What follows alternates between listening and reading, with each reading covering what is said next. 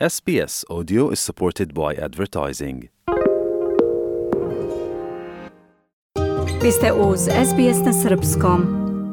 SBS radio na Srpskom, ja sam Biljana Ristić.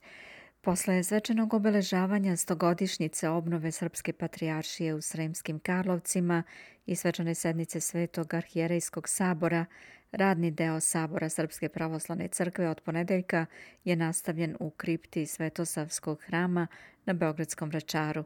Tradicionalnom majskom zasedanju Sabora prisustvuju episkopi iz celog sveta, među kojima i episkop australijsko-novozelandski Siluan, koji je u Srbiju doputovao 10. maja u pratnji arhijerejskog zamenika Arhimandrita Petra. Hranislav Nikolić ima više detalja. Da čujemo. U Sabornoj crkvi u Sremskim Karlovcima održana je dvodnevna proslava stogodišnjice vaspostavljanja Srpske patrijaršije, velikog jubileja Srpske pravoslavne crkve, a zaokružena je u nedelju veličanstvenim narodnim saborom na centralnom trgu ovog grada.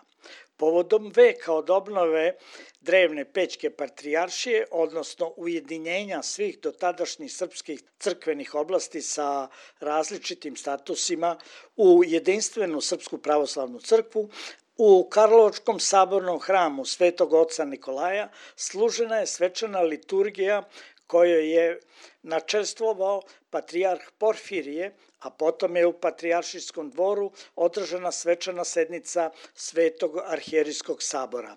Posle te sednice, patrijarh Porfirije se sa balkona dvora obratio narodu.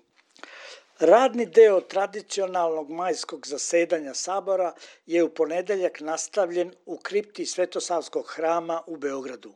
Sabor zaseda pod predsedništvom patrijarha Porfirija, a u ponedeljak je usvajao dnevni red koji je predložio sinod.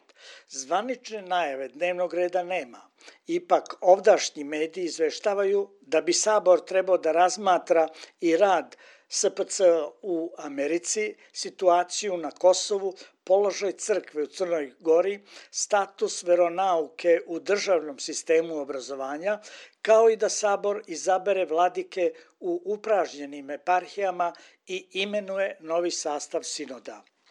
U ponedeljak je saopštena i prva zvanična odluka zasedanja Svetog arhijerijskog sabora Srpske pravoslavne crkve.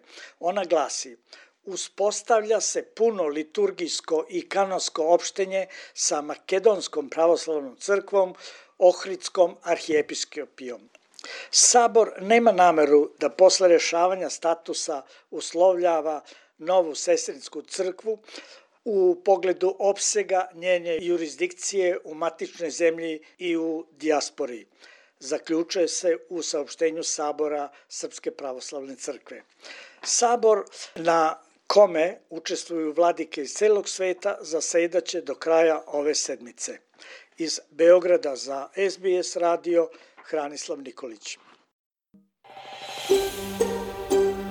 Želite da čujete još priča poput ove?